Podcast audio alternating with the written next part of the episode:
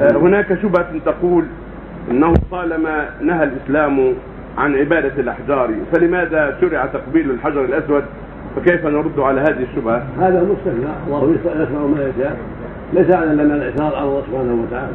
الله شرع لنا أن نقبل الحجر الأسود ونستلم نستلم الركن اليماني ونهانا عن التبرك بالاشجار والأحجار. هذا شيء مستثنى.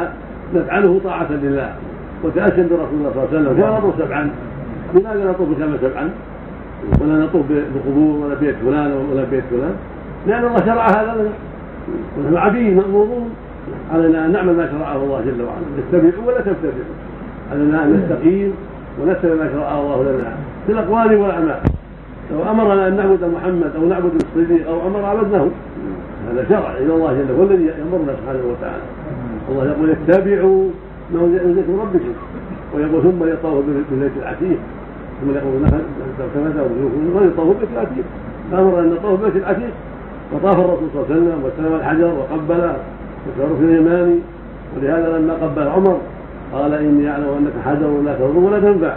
ولولا أني رأيت من يقبلك ما قبلتك قبله اتباعا للنبي عليه الصلاة والسلام وتاسيا به عليه الصلاة والسلام. وهكذا جميع ما نعمل من صلاة أربع ركعات ولا ما نصلي خمس الظهر والعشاء والعصر والظهر والمغرب ثلاث والفجر اثنتين لو زدنا على هذا صرنا متبعين.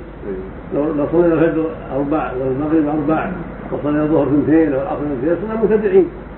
على أن نتبع فقط ولا نبتدع على أن نستقيم على الشريعة ولا نزيد عليها. كما قال الله جل وعلا ثم جعلناك على شريعة من أمرك فاتبعها.